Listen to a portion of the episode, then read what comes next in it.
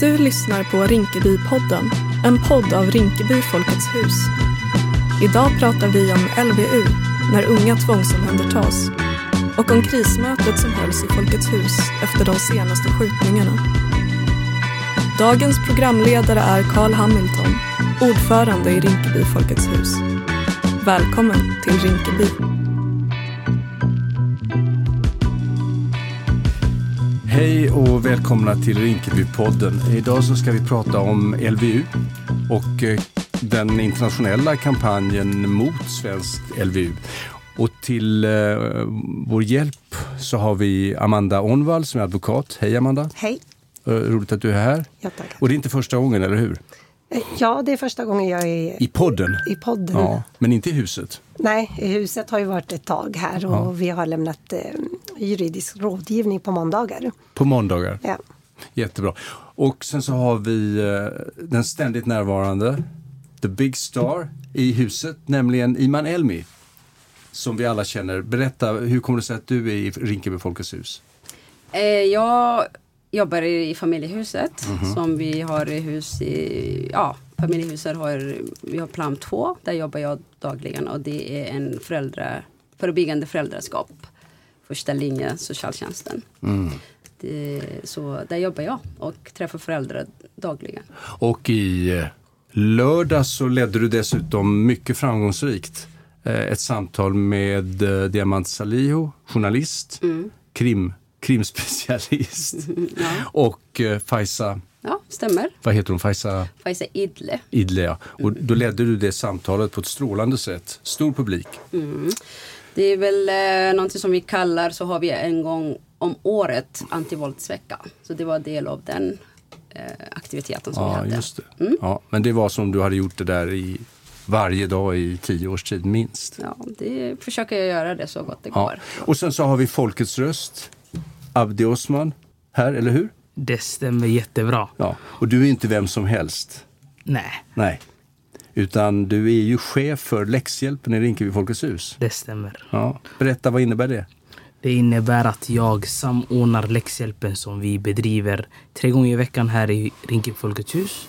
Eh, Tisdagar, onsdagar och torsdagar. Mm. Och jag är väl här primärt för att observera och lyssna in. Och, ja, men, Observera oss. ja, och lägga lite synpunkter kring de ämnena som vi diskuterar här. Hur, hur många barn är det som eh, dyker upp på läxhjälpen varje kväll? I dagsläget så är det väl cirka 75 till 85 eh, barn, föräldrar, men även ja, men, ja, det är väl primärt de som dyker upp. Ja, helt otroligt, eh, Abdi. Och du har naturligtvis ett eh, starkt stöd av den svenska staten i detta, eller hur? Det är en bra, bra fråga som vi kan ta i ett annat avsnitt. Ja, han är alldeles för väluppfostrad, men sanningen är att staten har dragit in allt stöd till Abdi och hans läxhjälp. Nog om detta. Eh, Amanda, eh, be, be, kan du berätta för oss översiktligt, ett, ett LVU-ärende, vilka, vilka är stationerna?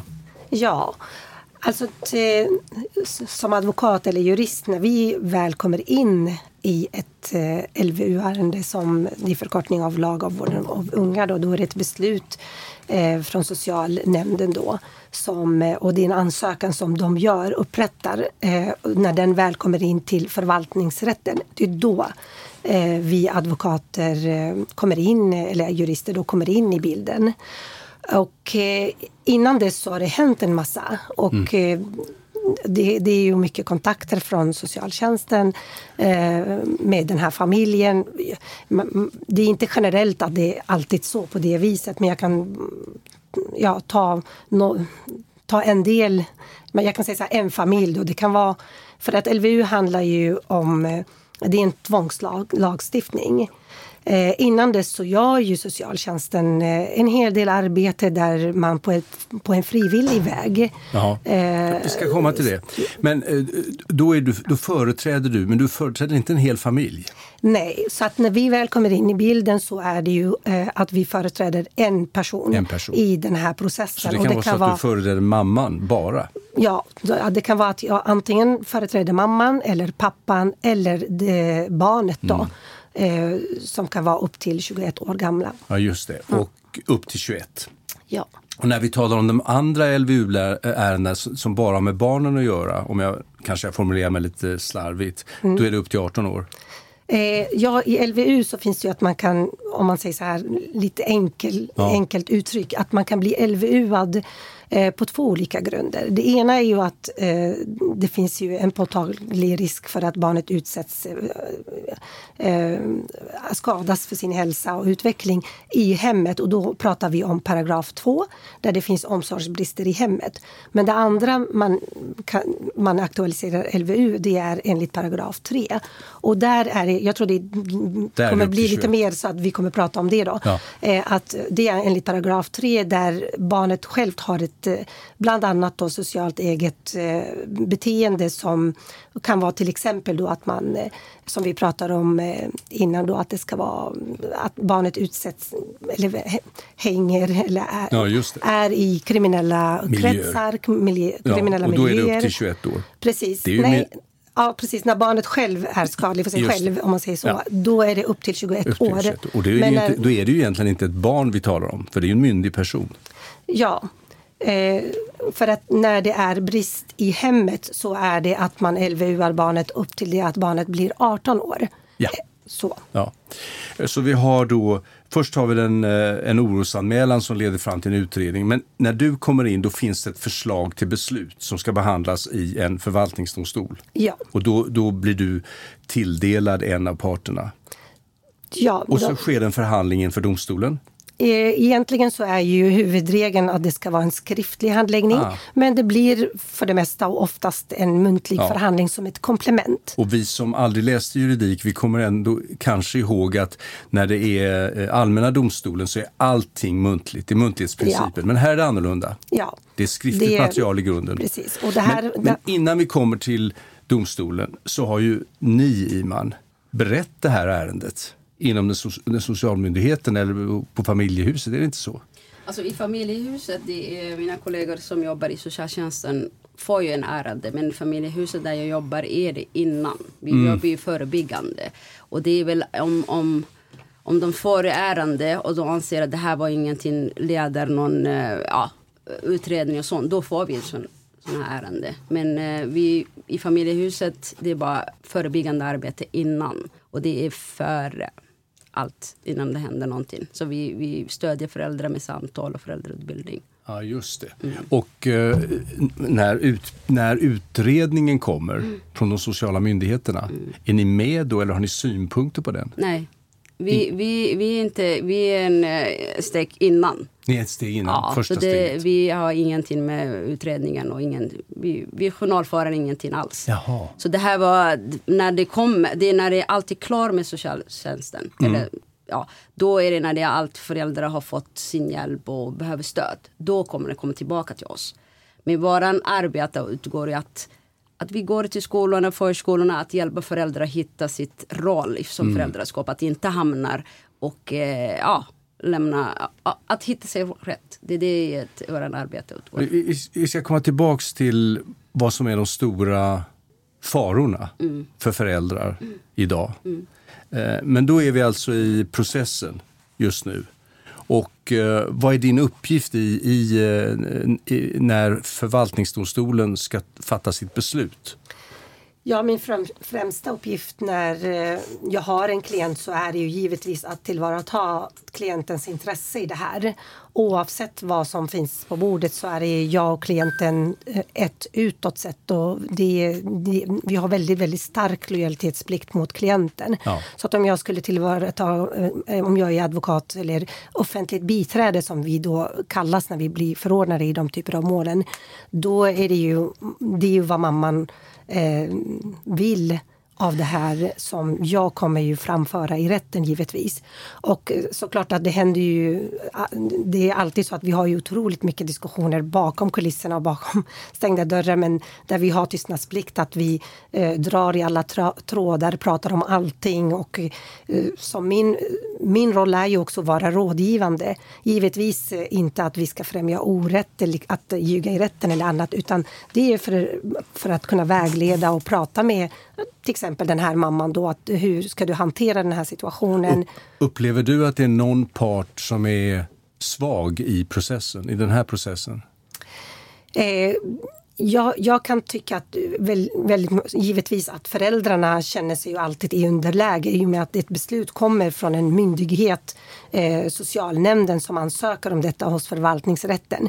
Det kan vara också så här att Eh, eh, e-, även om jag företräder eh, en mamma i processen så är det ju också mm, det är lite, lite vid sidan av dem, att, att det är staten som betalar för advokatens kostnader. Så det har också varit, i och med den här eh, starka opinionen som finns mot socialtjänsten idag och mot systemet så har det också ifrågasatts en hel del. Ja, men du får ju betalt från förvaltningsrätten sen när du är klar. Ja, men där, där måste jag in i rollen och förklara för min klient att oavsett Oavsett vem det är som betalar så är det ju alltid, vi går under etiska regler från Advokatsamfundet så att där är det ju eh, lojalitetsplikten mot klienten den enda som är gällande för oss. Men kan du se att det finns lösningar som man inte väljer därför att motsättningarna, konflikterna mellan de olika parterna är så hårda?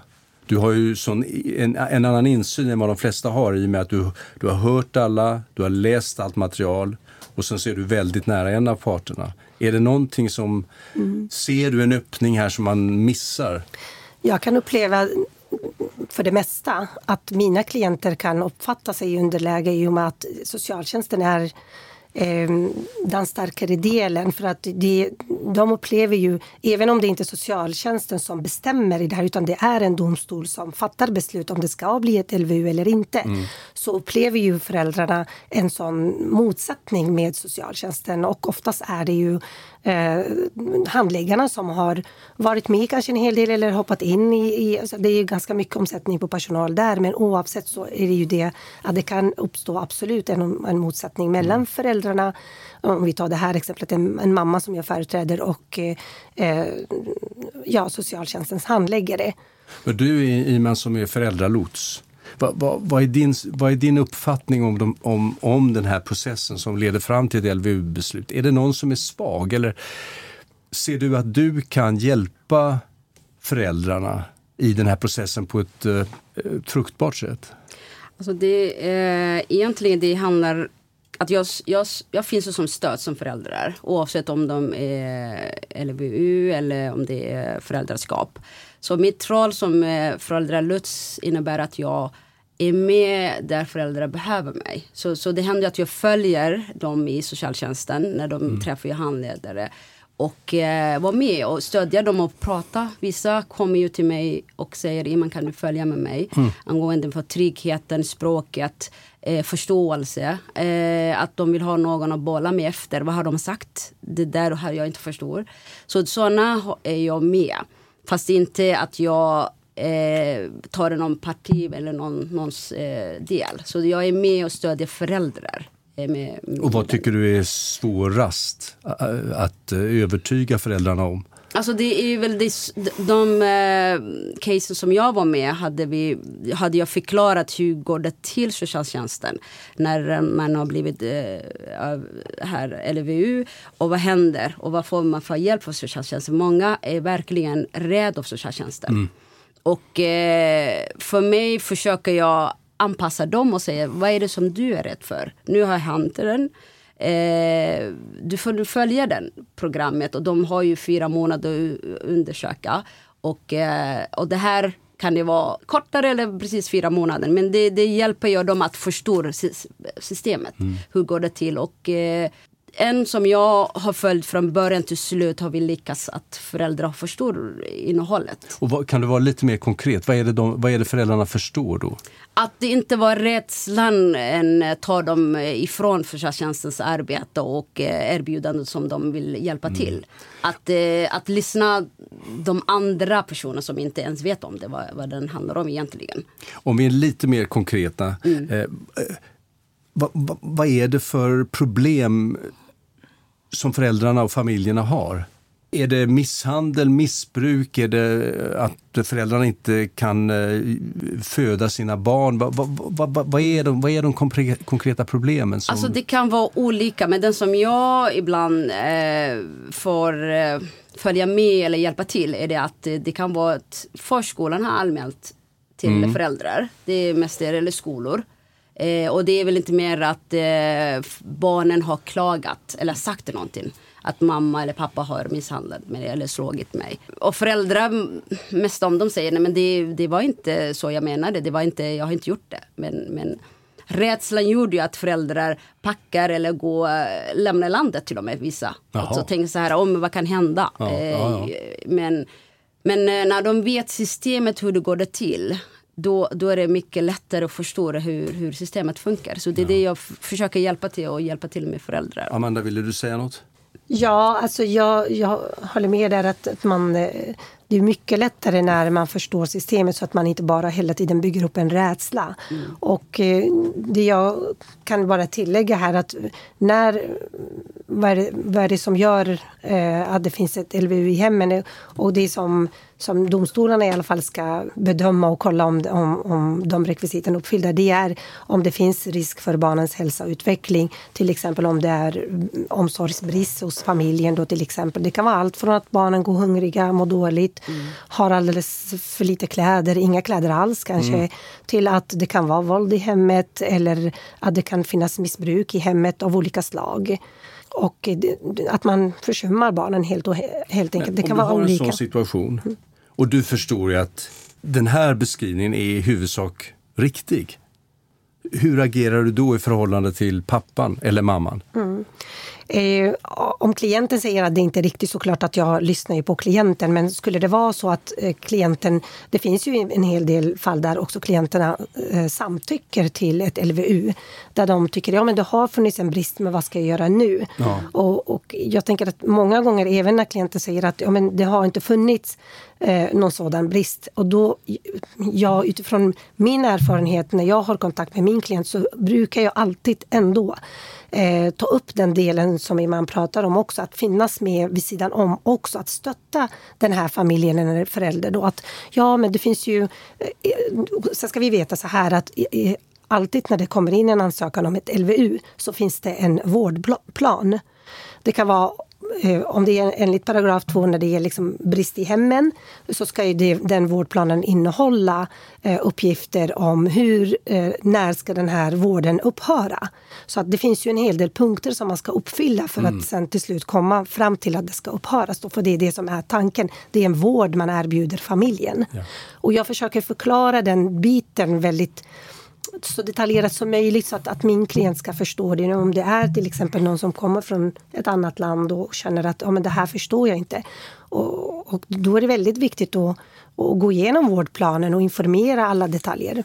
Det var väl det jag ville komma in på, exakt som Amanda pratar om. Just kommunikationen och hur kommunikationen egentligen ser ut. För att jag tänker på, eh, det är väldigt många föräldrar även som besöker våra verksamheter här i Rinkeby Folkets hus. Som har en ständig oro, som har en ständig klump i magen. Eh, där de har barn som får information om att, att man kan kontakta socialtjänsten och så vidare om det händer någonting och att barnen hotar föräldrarna också med det här. Så det är ju någonting som för många föräldrar upplever och att du vet den här klumpen i magen. Okej, okay, jag kan inte vara hård, jag kan inte ta telefonen ifrån barnen och jag kan inte göra, vara den föräldern jag vill vara och sätta de här gränserna på grund av den bristen på kommunikation mellan myndigheter och föräldrar. Men sådana historier eller rapporter vittnesmål har, har vi fått här i huset under våra många möten från eh, väldigt eh, trovärdiga personer som säger att vi har ett problem här därför att barnen eh, är så förslagna så att de, de utnyttjar rädslan för socialtjänsten och säger att om jag inte får en ny Apple-telefon mm. då, då går jag till, då, då LVU-anmäler jag dig farsan. Mm. Nej, men det, det är där vi kommer in i bilden faktiskt för förebyggande arbete. Mm. Det där behöver ju ett förälder ska få stöd. Hur ska den hantera en sån fråga, sina barnen säger sådana saker. Det, det, vi har ju föräldrautbildning som vi diskuterar ofta. Vad skulle du säga att föräldrarna i allmänhet är förvirrade och är osäkra på sin roll här? Alltså är... Nu sitter vi i Rinkeby Folkets hus. nej, men jag, nej men det är väl föräldrar hör ju barnets rättighet hela tiden. Det var många som klagar så här. Vad, vad är föräldrars rättighet? Men det är, du är förälder, du har ju den. För det är det som många föräldrar inte förstår är deras roll, det ska de ha den. Mm. Det är ingen som tar från den. Men, men det är det som bara hör. Barnen ska ha rättighet och ska göra den och den och den och den. Så eh, det är det vi i familjehuset vill gärna höra från skolor, förskolor. Att skicka sådana föräldrar som är verkligen oroliga sådana frågor. Så det är vi som hanterar. Det är vi som rådgivning ger den här helt gratis. Vi, vi behöver inte ens journalföra den. Vi behöver inte ens veta vad föräldrar heter. Mm. Det bara kommer och säger, vet ni vad? Eh, mitt son eller dotter vill inte sova klockan åtta för att de ska anmäla mig till skolan imorgon. Hur ska jag göra? För det är en, en viktig fråga. Ja. Så det kan vi föräldrar förbereda och säga det. Men, men prata, förklara vem som bestämmer hemma, hur det går det till. Och går det våra kurser ABC, en bra kurs som man kan gå när man har barn som har 3 till 12 år. Men den, och den osäkerheten är ju allmän i vårt uh, kära land. Alltså alla föräldrar Nej, det... eh, lider ju av den här osäkerheten. Mm. Vad tusan innebär det att mm. vara förälder? Ni, ni, vet, vi har haft en diskussion nu i 20 år om att sätta gränser. Mm. Föräldrarna är mm. totalt Men det är det som jag brukar om... alltid tänka så här när man, när man blir förälder. Ja. Det, till och med när man tar körkortet och allt annat så får man en, en, en kurs. Ja. Men eh, ingen går kurs på att vara föräldrar. Att man bara blir föräldrar. Så det, det, det är svårt att köra bil. Nej, men det, det blir så här någonting som man hamnar mitt i och sen kan man vilja klara sig till 18 år ja. utan att man vet om det. Så det är väl det vi säger till föräldrar. Kom till oss i familjehuset. Där kan vi hjälpa och stödja allt som du tänker och tänker. Abdi, skulle du säga Jo men exakt, något? jag tänkte inflika på det. Hur når man, för det är en fråga egentligen direkt till Iman. Ja. Hur når man föräldrarna som är mest sårbara? Föräldrarna som inte är medvetna om just de här möjligheterna. Eller hur, om jag ska uttrycka mig på ett rätt sätt, hur kan man för att oftast är det föräldrar som är medvetna som söker sig till om det är läxhjälpen som vi bedriver här i Rinkeby Folkets hus eller om det är om frågor kring trygghet mm. och så vidare. Eller just gällande frågor kring föräldraskap. Det är oftast föräldrar som är medvetna om det här som har ja, men sett att de behöver det här behovet. Men hur når man de som är ja, men bakom kulisserna? Ja. Det är en fråga som vi också tänker hela tiden. Men det är väl, handlar om att eh, föreningen är väldigt viktig arena som man kan träffa föräldrar som, som, som träffar moskéerna, kyrkor. Allt eh, som händer efter när eh, tjänstemannen har gått hem. Där finns ju lite mer att jobba med, tycker jag. Tycker du att moskéerna förstår problematiken? Det kan de eh, förstå mer, för det är där föräldrar är. De skulle kunna förstå det? Det skulle de förstå, ja. tycker jag. Eh, hörni, vi talar ju inte om in, i ett vakuum precis, utan den här frågan har ju varit och är otroligt infekterad. Eh, och jag fick just lära mig att en, en göteborgare som heter Ali Al-Sadani var den som satte igång den stora kampanjen mot svensk LVU genom att genom att skriva om det på uh, sociala, vad heter det? sociala nätverk, sociala medier. medier tack. Mm. Uh, och det plockades upp i, uh, på sociala medier i i, någonstans i, i Mellanöstern och, och, och, och fullkomligt exploderade. Med hundratusentals människor engagerade sig. Ali Al-Sadani i Göteborg, han, hans barn var alltså omhändertagna. Och eh, eh, han, eh, han protesterade mot detta och blandade också in religionen genom att säga att eh, här i Sverige så, så kidnappar man barnen, staten kidnappar barnen, de muslimska barnen och eh, placerar dem i kristna, i kristna familjer. Nu har Al-Sadani i vart fall gjort en 180 graders omsvängning och eh, jag tror han jobbar för eh, sociala, sociala myndigheterna och han menar i huvudsak idag raka motsatsen att, att det här är eh, viktiga insatser som, som man gör för att framförallt skydda barnen men också för att stär, på sikt stärka föräldrarna. Hur, hur, Iman, hur upplevde ni den här kampanjen? Alltså det är väl någonting som var väldigt starkt genom media och eh, många föräldrar som jag har träffat hade tagit till sig väldigt hårt. Eh, och det är väldigt mycket oroligheter. Så i vår stadsdel, det gamla eh, Rinkeby-Kista, har vi gjort en, en mot kampanj mot den, den kampanjen. Typ att vi hade gått i skolorna och informerat och vi hade ju väldigt samling till alla skolor. Nästan många skolor har vi varit och informerade att, eh, att sök hjälp och, och höra det. Du lyssnar inte de som, som du... Att, ja.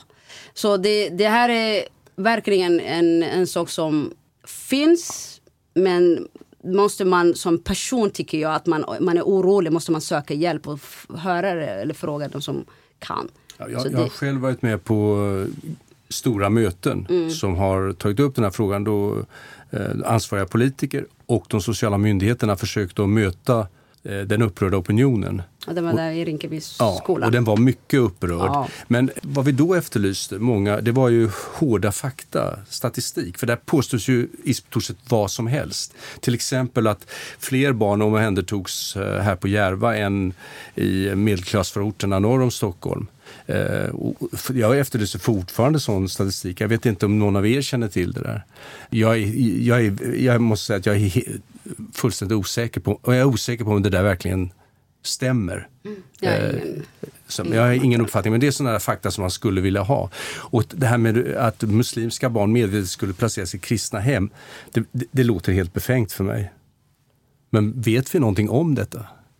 Det är det man hör. Det, det, det är det man hör. Sånt. För det, ibland tänker jag så här, fakta är det när någon som är nära till det har sagt det. Mm. Mina barn har blivit placerade med kristna eller någonting sånt. Men eh, att man hör och det, det tycker jag det, det är bara långt ifrån i min verklighet. Jag, jag, jag kan inte säga det när jag, det stämmer. Nej. För det, det, det ligger inte. Det stör mig lite grann måste jag säga att, man, att, vi inte får, att sånt här inte finns på bordet. Här är ju hård statistik vi talar om, eller hur? Jo, Rätt eller fel så vill man ju veta hur ligger det till. Mm.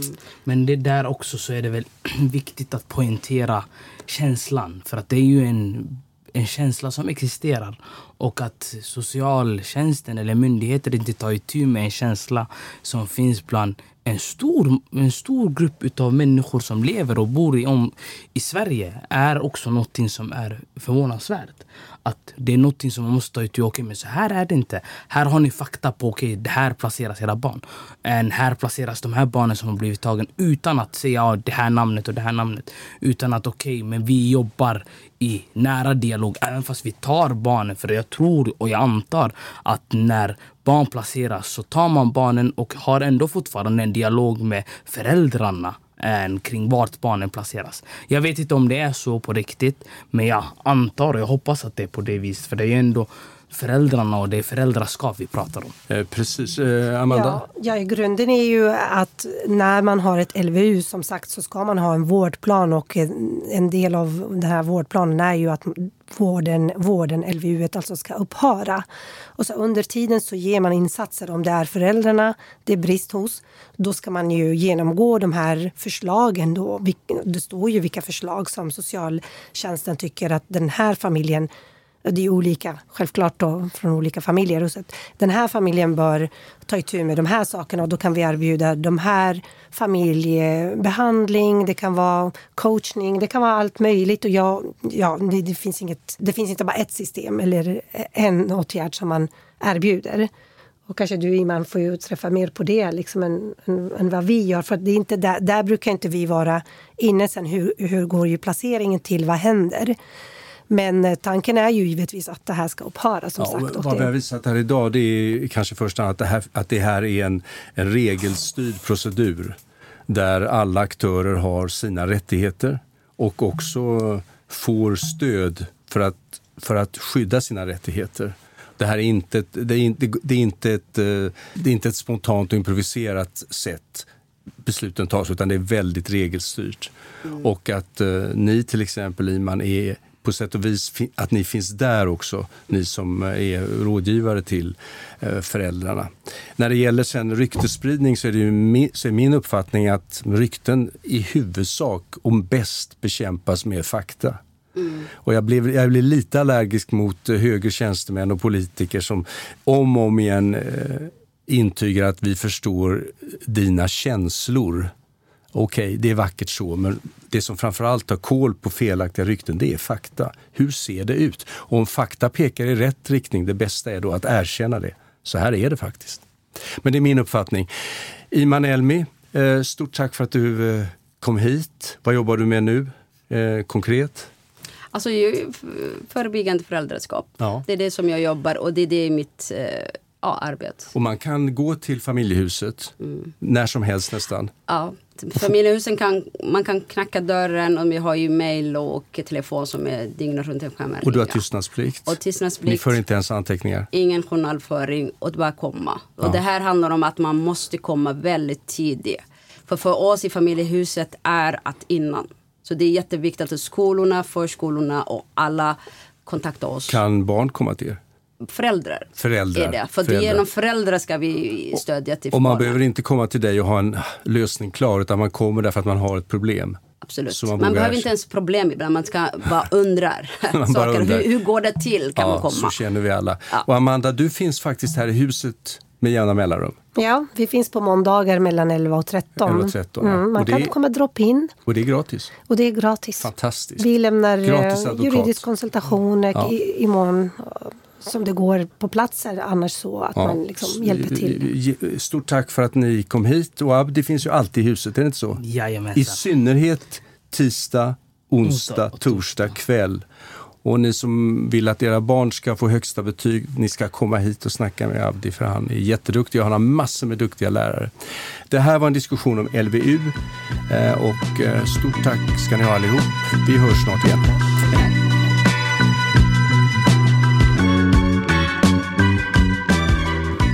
Torsdags hade vi ett krismöte i Rinkeby Folkets hus. Och det är väl lämpligt att eh, Rinkebypodden säger någonting om det här mötet och varför det hölls och, och vad som hände. Eh, många hörde av sig till oss inför mötet och var oroade och rädda och ville tala om de, de senaste eh, skjutningarna i Rinkeby. Hur tänkte du Farosa?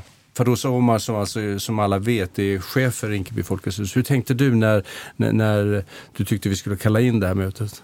Det var många besökare, en eh, olika form. Det kan vara hos läxhjälpen eller föräldrar till dem som lämnar på en eh, um, konstskapande. Eh, uh, och programmeringen som varje gång vi kom till huset det fanns olika, det uppstod några olika typer av diskussioner. Där de diskussionerna var mer om oro, än vilket hus är det som man sköt, än vilken adress.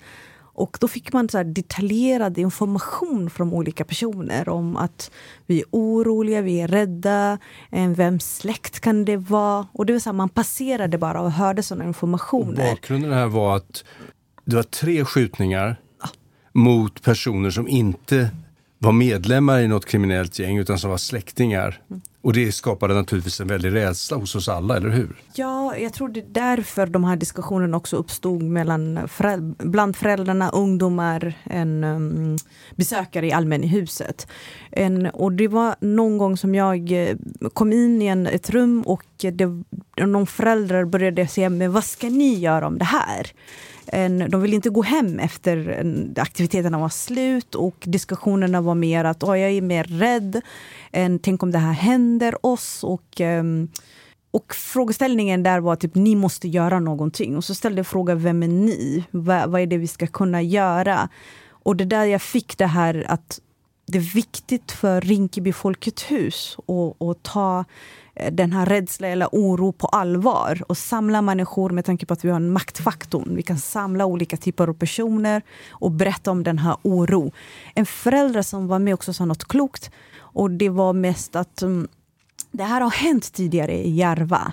Och då menade hon med skjutningar. Men det här var det, nu är det typ en annan typ av oro. Det var inte bara mellan dem, sa hon.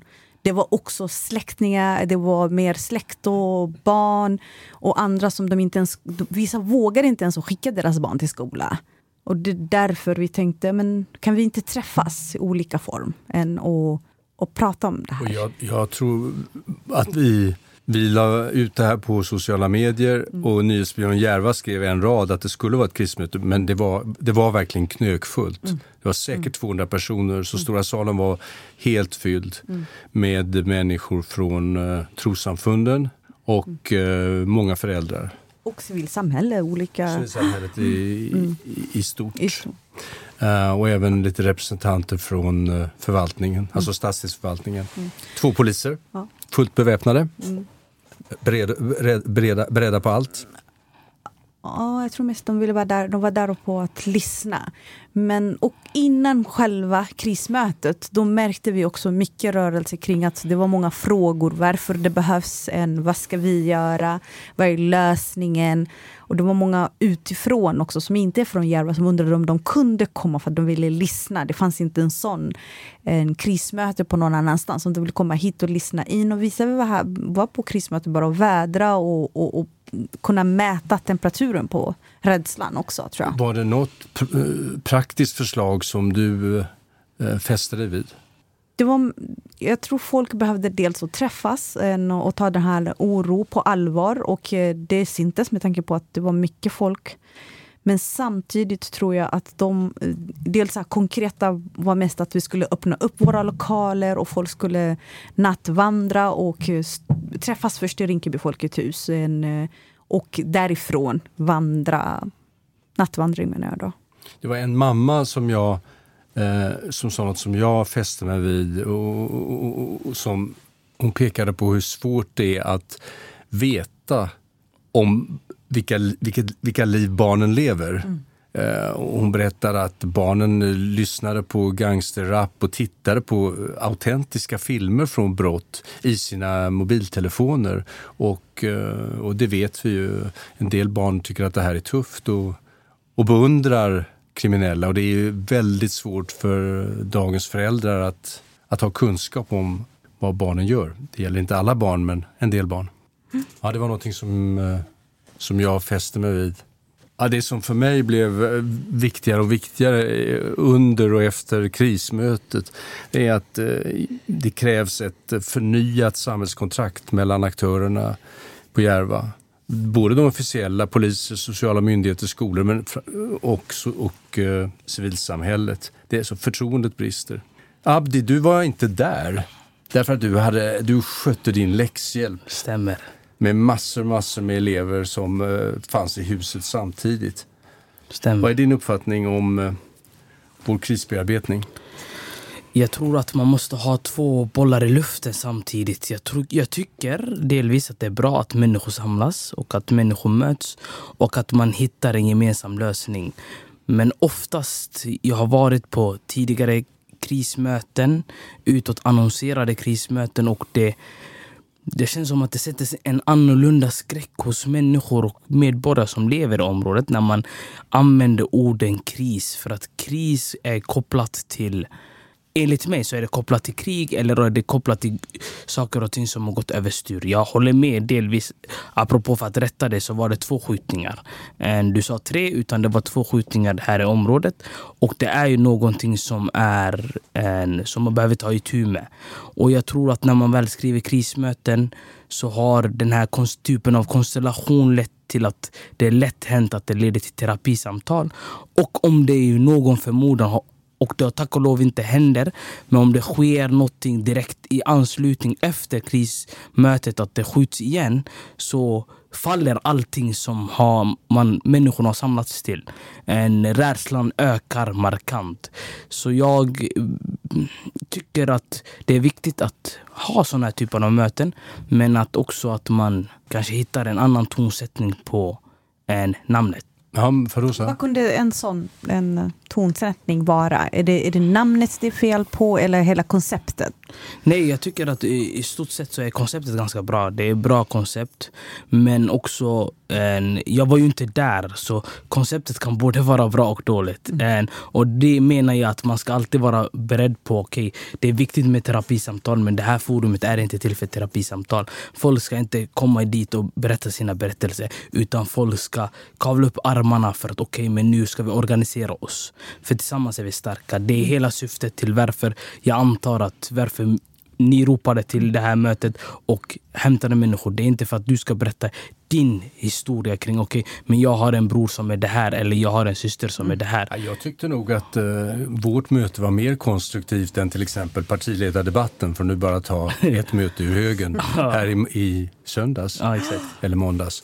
Um, det var flera konkreta förslag. Ett, ett mycket enkelt är ju att Rinkeby Folkets hus kommer med hjälp av föreningarna mm. att ha öppet på kvällarna. Mm. Är det inte så Fadosa? Ja. Mm. ja. Minst tre kvällar i veckan. Ja. Mm. Och det betyder att det finns människor här om man är orolig eller mm. rädd eller bara vill prata så, så finns det folk här. Och det är alltså föreningarna som mm. kommer att finnas i våra lokaler för samtal. Men det var verkligen bara ett av många, många konkreta förslag. Mm. Det riktades uppmaningar till fastighetsägarna att okay. hålla kvarterslokalerna öppna på, på kvällarna. Och eh, min käpphäst med kommunala poliser det fanns väl med också någon slags mm. på något hörn. Och det var ju också när det hände någonting, då skulle civilsamhälle, trossamfund, moské och kyrkorna då skulle ja, öppna upp och prata om de här ämnena. Och, och det har ju sagt många gånger att trossamfunden måste ta ett steg framåt. Och det, det, tror jag att, faktiskt att de gör. Det var många företrädare för moskéerna på plats mm. och även för Svenska kyrkan. Mm. Men det handlar om att också att det som är viktigt här är att, att man också i efterhand, okej okay, men vem är det som håller uppföljningen? Är det Rinkeby Folkets hus ansvar att hålla uppföljningen eller är det någonting som, ja men det sägs mycket, det pratas mycket. Det är vi vana vid här ute. Mm. Vi hör väldigt många människor som säger okej, okay, men vi ska ta itu med det här, vi ska göra det här. Man kommer med konkreta förslag och så går man därifrån och sen så raderas allting. Mm. Eh, jag kommer ihåg att jag satt i ett en liknande krismöte 2021, sommaren. Och det var väl då i första, första gången jag började jobba. Det var den tiden jag började jobba i Rinkeby Folkets hus. Det var ett krismöte efter två, en ett tragisk händelse som var... Det var två personer som miste livet. Unga killar som miste livet i Tensta. Och många föräldrar samlades kring det här. Och det som diskuterades där var eh, vi har flytt från krig är det dags att fly igen? För det här är ett krig. Alltså det var den fenomenen folk var i och det var där många fastnade. Och när, i, när jag väl var i det här mötet så det kändes det som att varje person som tog mikrofonen repeterade samma sak. Mm. Ja, men det, det, det är bra sagt. Och uppföljning och konkreta åtgärder, där måste vi ju, dit måste vi komma. Annars, annars är det ju meningslöst att, att bara träffas med jämna mellanrum och, och prata. Mm. ibland kan jag fråga mig om vi når vi fram till de unga, men det vet ju du bäst, Abdi. Jag tror också i ärlighetens namn att området med tanke på att det är präglat av ett sånt en, våld, destruktiv, destruktivitet i så många år så tror jag många ungdomar, det är nu ungdomarna är närmast. De har tröttnat på det här. Det har gått alldeles för långt. Jag brukar föra dialog med ungdomar och många upplever att okay, men nu har det gått för långt. Det gick från att eh, unga killar skjuter mot varandra till att man börjar skjuta mot lägenheter där föräldrar befinner sig och barn befinner sig. Eh, det har gått för långt. Så många håller på att dra strecket också för det här. Men det är, det är väldigt svårt att göra det ensam. Och jag tror att det handlar om att du vet, ett samhällskontrakt som du är inne på är en väg till någon form av lösning. För att då tror jag att också att okay, men vi gör det här gemensamt. Vi, vi tar, ställer oss emot det här. Det är det här mot det vanliga. Om de vanliga medborgarna gemensamt, och då pratar jag om alla, ställer sig emot mot det här så blir det också lättare för en person att okay, men ta avstånd från det. Men annars är det ju en individ en, och individens rädsla tar ju över om du själv ska gå och säga emot vi har talat om krismötet i, i förra veckan som var välbesökt och eh, vårt arbete mot kriminalitet. Vill du säga några avslutande ord för Dosa? Det kom upp också några andra än eh, förslag på vad till exempel man söker stöd eller ifall man är rädd själv för sitt eget liv eller för sina barns liv. Vart man hittar en sån information och det skickade vidare till exempel till stadsdelen eller förvaltningen som är ansvarig för just de frågorna, vilket de kommer själv sammanställa. Och eh, vi kan ju bara säga att den politiska debatten i eh, Sverige handlar i huvudsak om repressiva åtgärder och förebyggande åtgärder och mm. väldigt få talar om om det civila samhället, idrottsföreningar, moskéer, kyrkor, föräldraföreningar, alla vi människor som tillsammans bindar, bildar den väv som håller ihop ett samhälle och gör att man kan leva ett anständigt liv. Ja, det här var Rinkebypodden som ni hör varje vecka. Vi sänder från Rinkeby Folkets hus. Ha det så bra. Hej! Du har lyssnat på Rinkebypodden, podden där Sverige möts. Välkommen tillbaka nästa vecka.